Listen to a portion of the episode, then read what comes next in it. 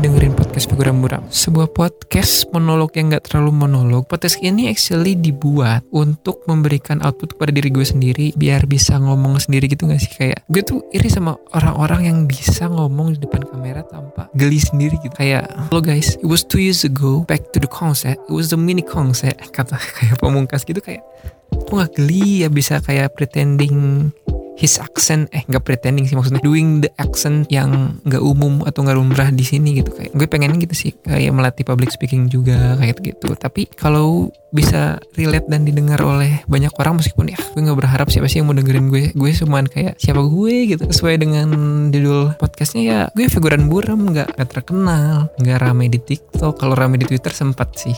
Anjing sombong itu tuh yang PS5 12 juta. Anjing narsis banget gue ya intinya podcast ini adalah podcast yang di lead oleh cowok. Kalau kata Magdalena kan emang kayak dunia podcast Indonesia itu masih didominasi oleh cowok ya. Kayak boys club banget lah masih boys club banget lah. 11-12 kayak dunia kuli.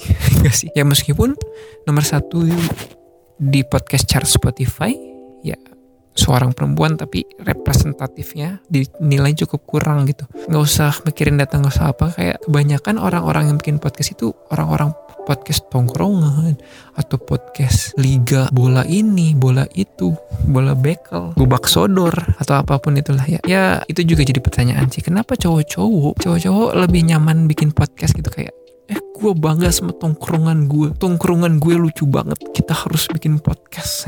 Misalnya ini bukan podcast pertama gue sih gue juga punya podcast yang isinya tiga orang tem dua orang teman gue dan satu gue gitu. ya tapi kita nggak terlalu banyak ngomongin tongkrongan sih nggak self center juga meskipun ada konten-konten yang self centernya gitu loh gue ngomongin tentang perkuliahan yang gitu kan yang nggak cuma tongkrongan gue doang alamin gitu Ya itulah hal-hal yang harus dipertanyakan ya. Kenapa cowok lebih nyaman bercerita terhadap mic dan di-upload seberluaskan daripada mereka cerita ke terapis?